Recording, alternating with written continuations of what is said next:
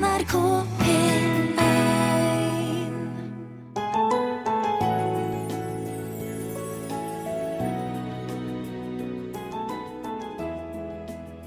Du kan si Det er litt pussig, fordi at det, det er så mye som er tatt fra meg i livet, men jeg er faktisk Jeg føler at jeg er lykkelig. Helge ble arbeidsufør etter en trafikkulykke, og ingen trodde at han skulle klare det. Men nå har han endelig kunnet flytte inn i den gamle bussen som han har bygget om til bolig. Altså, det er så stort at, at det tar en stund for at du fatter at det er en realitet. Og jeg tror jeg er et sted der ennå at det har ikke helt gått opp for meg. Jeg heter Miriam Wiklund og ønsker velkommen til en time mellom himmel og jord med variert kost på programmet.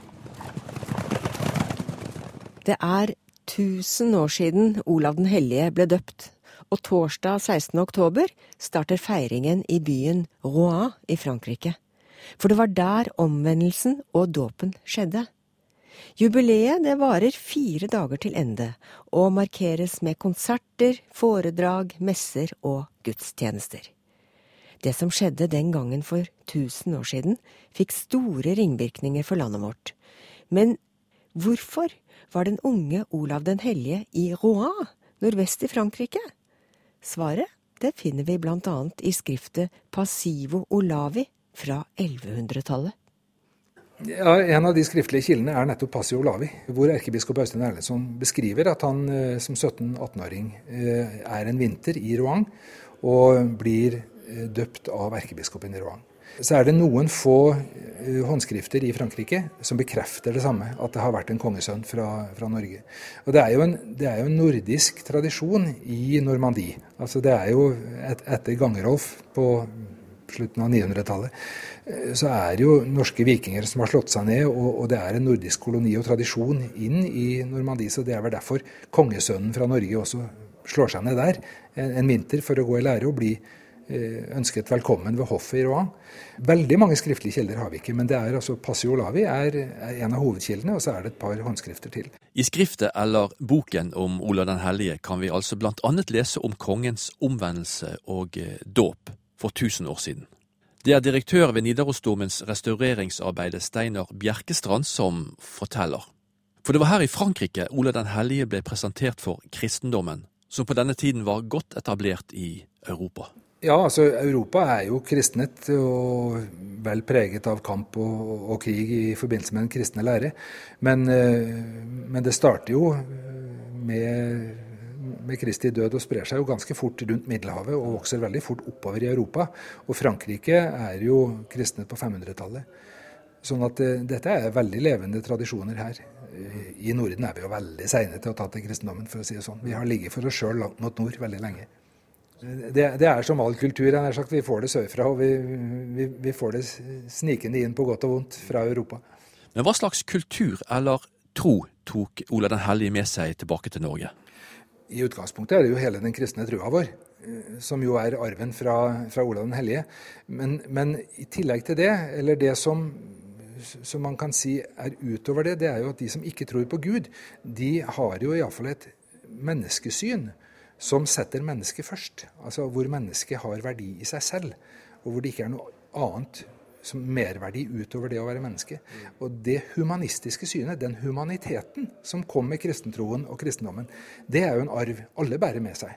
Det, per i dag er det vel få i Norge som, som, ønsker å gå bort fra det, bortsett fra kanskje enkelte smågrupper i den ene eller den andre ytterliggående retningen. Mm. Men, men, det synet på mennesket, og at mennesket har verdi, det deler vi alle sammen. Så er det jo veldig mange av oss som også deler en kristne tro. Og det er jo en kraftig arv som, som, vi bærer med oss. Altså Helt til 2012 var jo dette statsreligion i Norge. Og, og, vi bærer det med oss, og det kommer ikke til å dø ut de neste tusen åra, det er jeg helt sikker på. Eh, og det er jo en arv som det norske folk bærer i, med stor trygghet. Eh, noen vil kanskje si at eh, dette var sikkert verdier som også fantes på, på vikingtiden. Er man sikker på at liksom alt dette kom inn med kristendommen Ole den hellige, at ikke det var uh, noe tidligere også? Altså, Tankegangen kom jo inn tidligere. Det begynner jo med Håkon Adalstensfosteret og med Olav Tryggvason i Norge, og sikkert misjonærer før den tid. Men hvis du leser eh, Edda-diktningen og, og, leser eh, de islandske sagaene og hvilke verdier som ble holdt høyt på 800-tallet og 900-tallet, så vil du se at der ikke, har ikke mennesket i seg sjøl verdi. Mennesket har verdi hvis det kan slåss for seg sjøl, hvis det kan stå for noe, hvis det kan stå i kamp. Men, men det er slekta som har verdi. Og det er sammenhengen med naturen. Det er, det, er, det er, helt andre verdier som står i fokus, først og fremst. Og det snus det virkelig opp ned på når kristendommen kommer. Enten vi sier at det skjer ved Olav den hellige, eller det skjer ved Olav Tryggvason, men det skjer rundt tusenårsskiftet.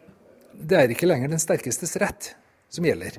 Det er jo den, den, den gamle tradisjonen med Odin og Thor, så er det jo det er de som kan slåss for livet sitt, og som kan stå frem og være sterke, som har verdi.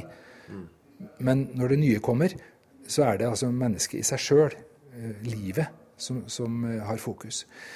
Tydeligst eh, måte som det, dette er satt i system på i dag, er jo hvis man drar til Stiklestad og ser spelet om Hellige Olav på Stiklestad. For der opererer de med en figur som heter Utburen. Altså det er uh, Folket på gården Sul har satt et barn ut i skogen for å dø fordi det ikke var velskapt. Og det plager dem som en mare med skyld at de har gjort det. Og Det er det da Olav kommer og tydelig sier fra at nå er det slutt på det. Alle mennesker har verdi i seg sjøl fordi livet har verdi. Han hadde lært noe klokt, og, og, han hadde fått med seg kloke verdier. og Det fører han inn i Norge, og han er den kongen som gjør dette til statsreligion i Norge. og Det er jo derfor vi gjerne husker han så godt. Men så har de fleste av oss også et bilde av Olav den hellige som en mann med sverd en konge som brukte lite humanitet da han skulle kristne sitt folk. Jo, jeg tror nok at det også er sant. Eh, vi vet jo veldig lite om Olav som person, men det må jo, eh, da han blir døpt som, eh, som ungdom i Rouen, så må det jo ha grepet han på en måte, dette nye synet på, på, på tro og, og, og, liv. Jeg tror nok at han var barn av sin tid, han var konge av sin tid. Han hersket på, på herskeres vis. Og det kongen bestemte, det hadde folk å følge, og fulgte de ikke det, så mista de hodet. Det var, var i grunnen ikke så uvanlig. Men grunnen til at han blir helgen, er ikke hans eget liv. Men det er det som skjer med hans død. Det at han faktisk da nøyaktig 1000 år etter Kristus på korset dør i en kamp om verdier, om kristendommen. Det at mennesker uh, påvirkes, uh, blir friske, opplever undre ved hans grav, det gjør at han peker på Kristus. Og det at kongen peker på Kristus, det er det som gjør han til helgen. Og da er vi tilbake til dette skriftet, eller boken Passio Olavi, som regnes som en av Norges eldste bøker. Det er sannsynligvis skrevet av erkebiskop Øystein på 1100-tallet. I tillegg til at det fortelles blant annet om Olav den helliges dåp i Rouen i Frankrike, inneholder boken først og fremst fortellinger om mirakler i og rundt Olav den hellige. Dette er muligens Norges aller første PR-skrift. Hensikten er å bringe kunnskapen om Olav ut i Europa. Eh, erkebiskop Øystein var veldig opptatt av at den tidlige pilegrimstrafikken som kom til Nidaros, at, eh, at eh, Nidaros som pilegrimsmål måtte bli bedre kjent. Det hadde jo mange årsaker. For det første var man jo helt overbevist om at det å knele ved helgenens grav, det førte til gode ting for den som kom dit. For det andre, og det var nok egentlig like viktig, så brakte dette med seg stor økonomi. Altså, Pilegrimene som kom til Nidaros, la igjen penger her. De skulle overnatte, de skulle kjøpe mat, de skulle handle. Eh, og, og den trafikken som kom til Trondheim, var viktig for inntektene til erkebispesetet. Hva du kalte det? Ja, altså jeg, jeg, pleier å kalle dette her eh, Norges første PR-skrift, eller eh, Norges første turistreklameskrift utad i Europa. Og Det skjer altså i 1160-åra. Nettopp fordi det var viktig for erkebiskopen, som satt i et helt nyetablert erkebispesete, å få fokus hit. Han måtte liksom tydeliggjøre hva det var som gjorde at det så langt mot nord var en helgen. At det var et viktig erkebispesete. Og han hadde behov for å fortelle sine kolleger utover i Europa at han var ikke noe dårligere han enn de andre. Det var eh, Sankt Jakob i Santiago de Compostela, det var helgener både her og der, men kom ikke her. Trondheim hadde sin, og han var veldig populær etter hvert. Det var Steinar Bjerkestrand, direktør ved Nidaros domkirkes restaureringsarbeider, som fortalte om ringvirkningene av Olav den helliges dåp i Rouen i Frankrike for 1000 år siden. Feiringen starter førstkommende torsdag og varer til søndag, med en rekke gjester fra Norge, blant andre Trondheimssolistene, som skal gi en konsert. Det var Ove Gundersen som snakket med Steinar Bjerkestrand.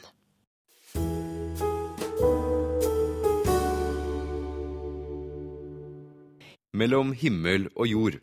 Søndag. Nå skal du få møte Helge, 35 år og nylig innflyttet i egenkonstruert og selvbygget bolig med postadresse lenger ned i gata fordi han mangler grunnmur. Helge Wahlstrøm bor nemlig i en ombygget buss, trygt plassert på en industritomt øst i Trondheim. Svartlamoen, som bydelen kalles. Her er det tre med et tau, blått tau som henger ned. Noen plastikkpresenninger og litt forskjellig som ligger slengt her. Nå ser jeg en buss.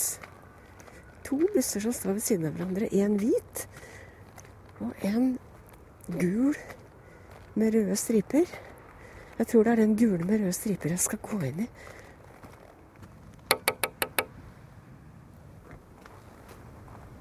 Det er akkurat som jeg hører at det er noen her.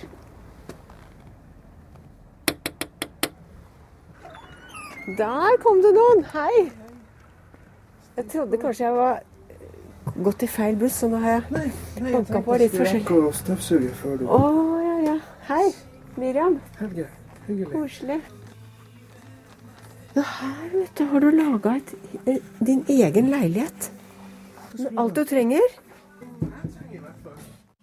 Det er lyst og trivelig inne i kåken, for å si det sånn, med solcelledrevne lysspotter i taket, gjesteseng, bad, stue og kjøkken. Så jeg har jo, har jo all den komforten du kan drømme om. Jeg har aldri hatt et kjøkken med en oppvaskmaskin. Ikke før nå. Nå har jeg det. Og det er mitt. Jeg leier ikke. Jeg må ikke betale noen for det her. Men han betaler selvsagt leie for parkeringsplassen her på Svartlamoen. Mye av det jeg ser rundt her, kunne passet fint til kulissene i en Pippi Langstrømpe-film. Langsmed grusveien opp hit ligger det flere toetasjes trehus, malt i friske farger med laken og håndklær til gardiner. Og på en åpen plass like ved her er det små hageparseller, side om side med kondemnerte bildekk og henslengte presenninger. Litt sånn hippieaktig? Det er jo det. Men det, er jo det, det, er jo det, som, det var jo det jeg forelska meg i. Vet du, når jeg Jeg snubla jo egentlig over Svartlamoen ved en tilfeldighet. Da sto jeg oppe med stadion til å begynne med. Ei, og det var blitt natt når jeg kom gående nedover hit. At jeg hadde sittet på, på eh, Gule sider kart sant, og så sett meg ut, liksom prøvd å finne øde parkeringsplasser som ikke var i bruk. Sant, litt tucked away. Sånn at jeg kunne finne meg et sted å ha vogna liksom, og være i fred. Um, men du vet, når du ser ting ovenifra, så er det jo veldig annerledes enn når du kommer og ser det. Når jeg kom ned hit den natta Så det første jeg så når jeg runda rundt her, det var eh, et piratflagg høyst opp i flaggstanga. Og, og det var lys i trærne og over, og sånn her julelys, sant, sjøl om at det ikke var jul. Og det var bare sånn her Ja, ja, endelig! Det her var noe jeg kunne ha funnet på. Finnes det en klynge med mennesker som er sånn som meg? Jeg, jeg bare kjente en, en forferdelig tiltrekning da, og det her, det, å gud, hvor spennende det her må jeg finne ut av. Så gikk du hit og Jeg gikk hit flere ganger på dagtid sant, og, og prøvde å komme i kontakt med folk. og ja, Var det sånn som du trodde? I grove trekk, ja. Absolutt. Hvordan er de vennene du har her, da? De er fantastiske. De har jo en ekte kjærlighet og empati som jeg ikke har eh, Altså, det, jeg har faktisk De sier at folk er mer overfladiske i byen. Jeg har opplevd det stikk motsatte. Jeg føler at det var mye mer overfladisk oppe nordpå. Det var en sånn der Ja, vi bryr oss, men kun hvis det ikke krever for mye, liksom. Husker nå Det er ikke så lenge siden jeg lå sjuk her med lungebetennelse, og da var, kom jo vennene mine hit uoppfordra og passa på meg og kom med mat. Og han Pål sto og kokte mat på komfyren der til meg og, og, gjorde alt han kunne for at jeg skulle få det bedre. Kom med hostesaft og greier og Ja, altså Genuin, ekte, ekte omtanke og kjærlighet. Og det er, det er jo sånne venner man vil ha. Jeg, har lengta etter det så, så utrolig lenge, og nå har jeg det. Helge har en litt annen bakgrunn enn folk flest. Fra han var liten gutt, ville han gå i pappas fotspor og jobbe med elektronikk. Men 18 år gammel satt han bak rattet da en bil smalt inn i ham bakfra.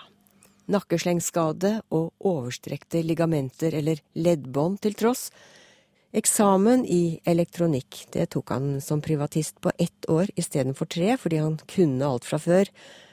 Men det gikk dårlig i arbeidslivet. Når jeg fylte 24, da var det så ille at det hele sa bare stopp, rett og slett. Sant? Jeg, klarte ikke jeg klarte ikke å gjøre noen ting lenger. Jeg måtte bare innse at det her er bare tull. Sant?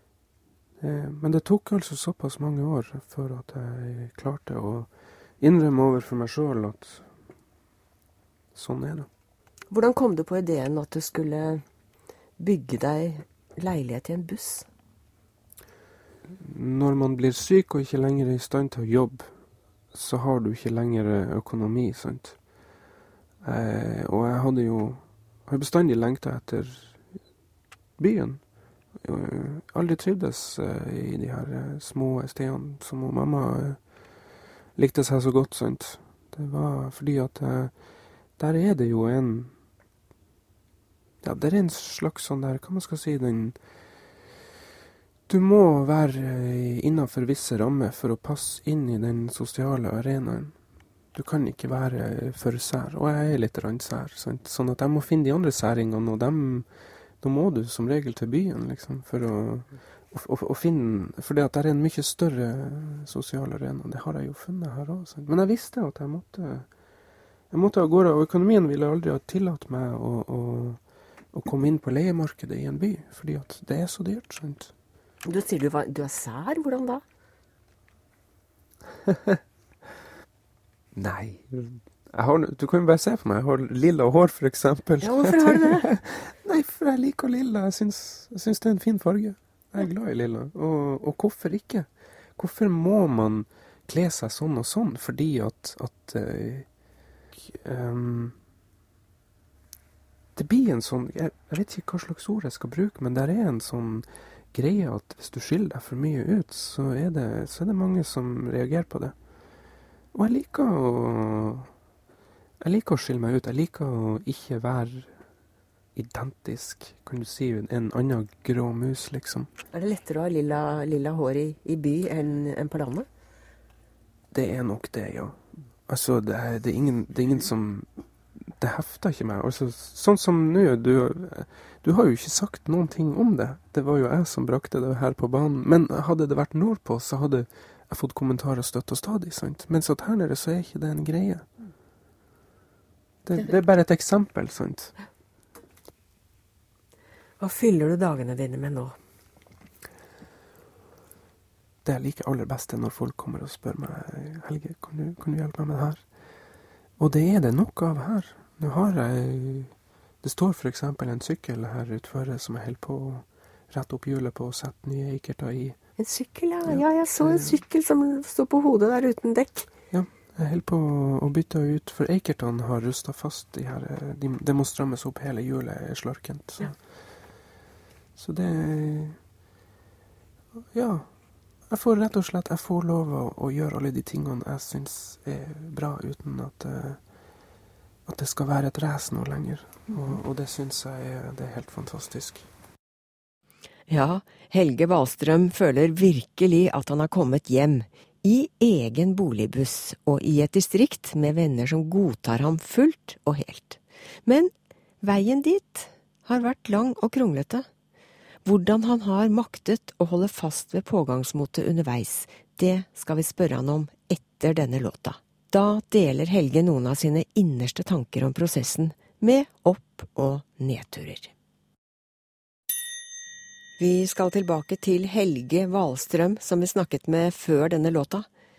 35-åringen som aldri ga helt opp etter at fremtidsdrømmene ble lagt i grus da en bil braste inn i ham bakfra den gangen han som 18-åring satt bak rattet og ventet på grønt lys.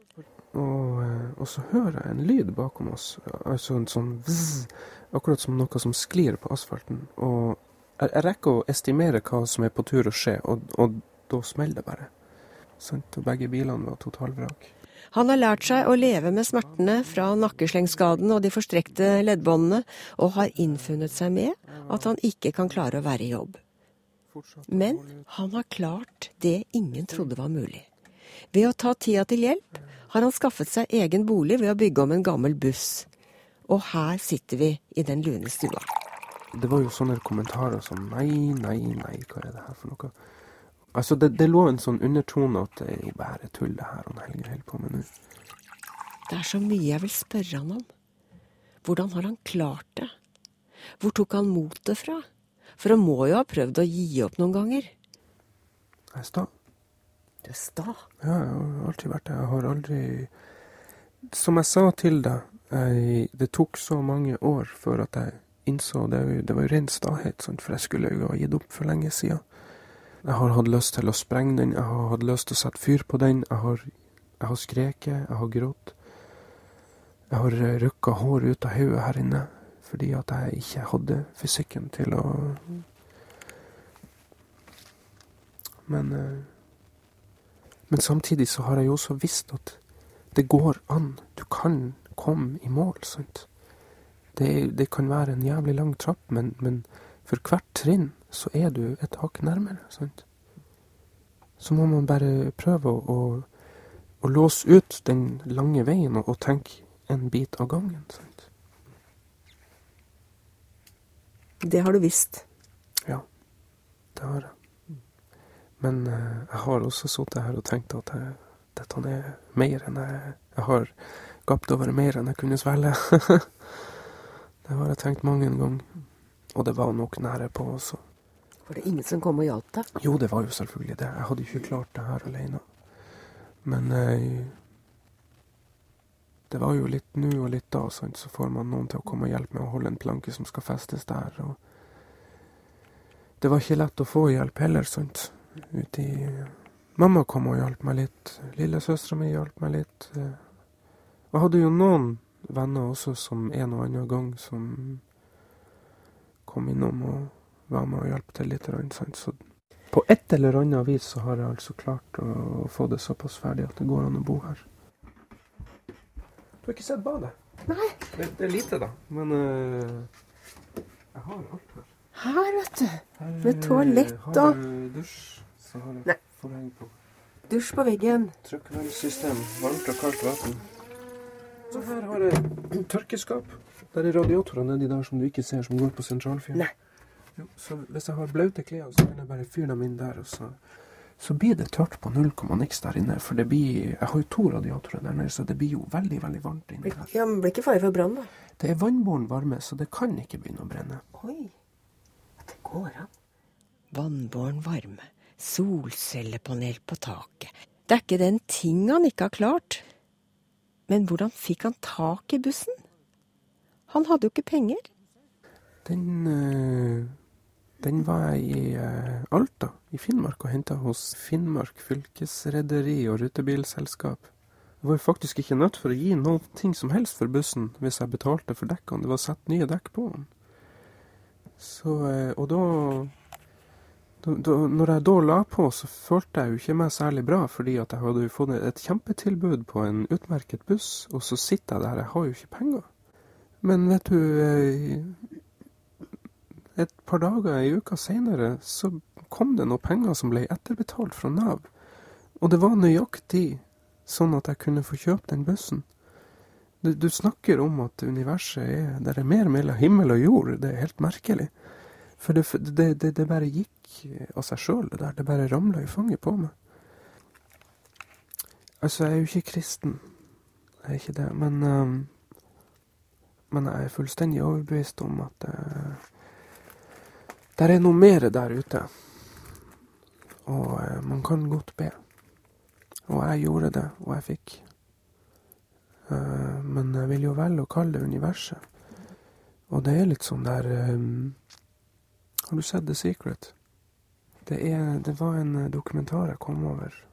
Eller, jeg vet ikke om det var en dokumentar. Det var en film jeg kom over. Og, og den så jeg um, før bussen var en realitet. Og den heter The Secret. Og den gikk litt på det at uh, du får tilbake det du putter ut. Så hvis du, hvis du fokuserer veldig på at du ikke har det bra, så får du mer av det. Hvis du, hvis du klarer å være takknemlig for det du har, uh, og, og, og føle glede og, og prøve å utstråle det, så får du også det tilbake. Um, og hadde sett så mye tull som jeg jeg bestandig vært en sånn skeptiker. Men eh, når jeg så den der, så tenkte jeg at eh, ja, det er greit. Skal, dette skal jeg virkelig prøve. Og det gjorde jeg, og det var da ting begynte å skje.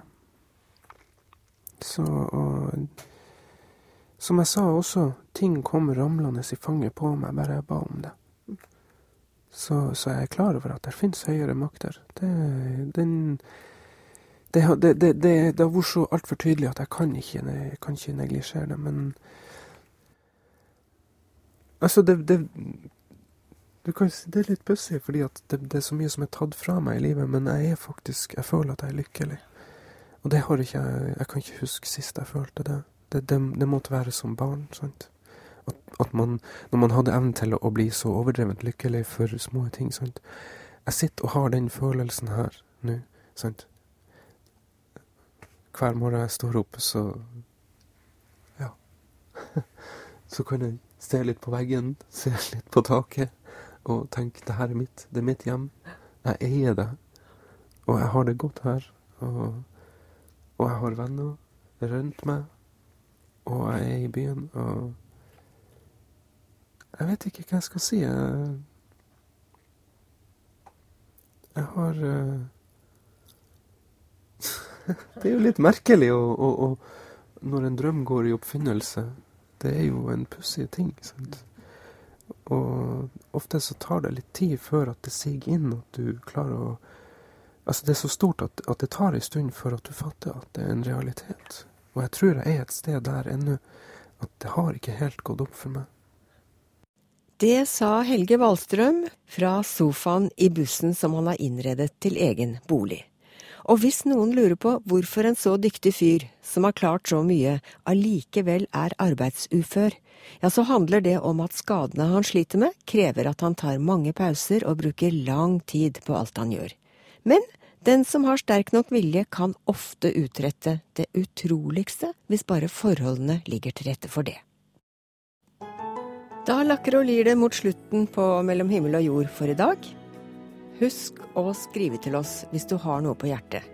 E-postadressen er himmel og jord, krøllalfa, nrk.no. Og så skal jeg minne om alle mulighetene du har for å høre programmet om igjen. Det går i reprise i kveld klokka 21 på NRK P1 pluss for alle med DAB-radio. For dere andre er det nettet som blir løsningen, enten via vår nettspiller radio, nrk.no, eller som nedlastbar utgave uten musikk via nrk.no podkast. Jeg heter Miriam Wiklund og ønsker deg fortsatt gode stunder med NRK radio, og så treffes vi igjen om en uke.